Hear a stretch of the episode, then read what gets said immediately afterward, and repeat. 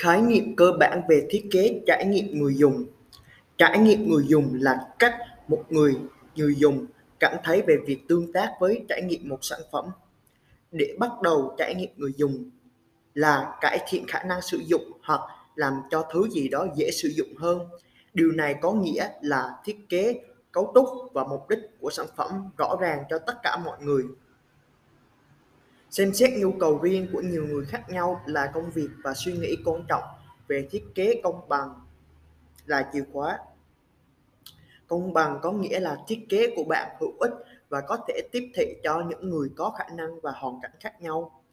Trải nghiệm người dùng cũng về việc làm cho mọi thứ trở nên thú vị khi sử dụng, tạo ra một kết nối tích cực giữa người dùng và sản phẩm.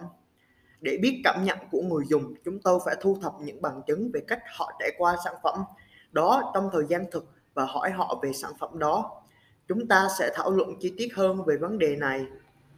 Khi mọi người thích một sản phẩm, họ sẽ sử dụng sản phẩm đó rất nhiều và họ đã giới thiệu đó cho bạn bè của họ và nhiều người sử dụng sản phẩm hơn, có nghĩa là kinh doanh nó tốt hơn cho công ty.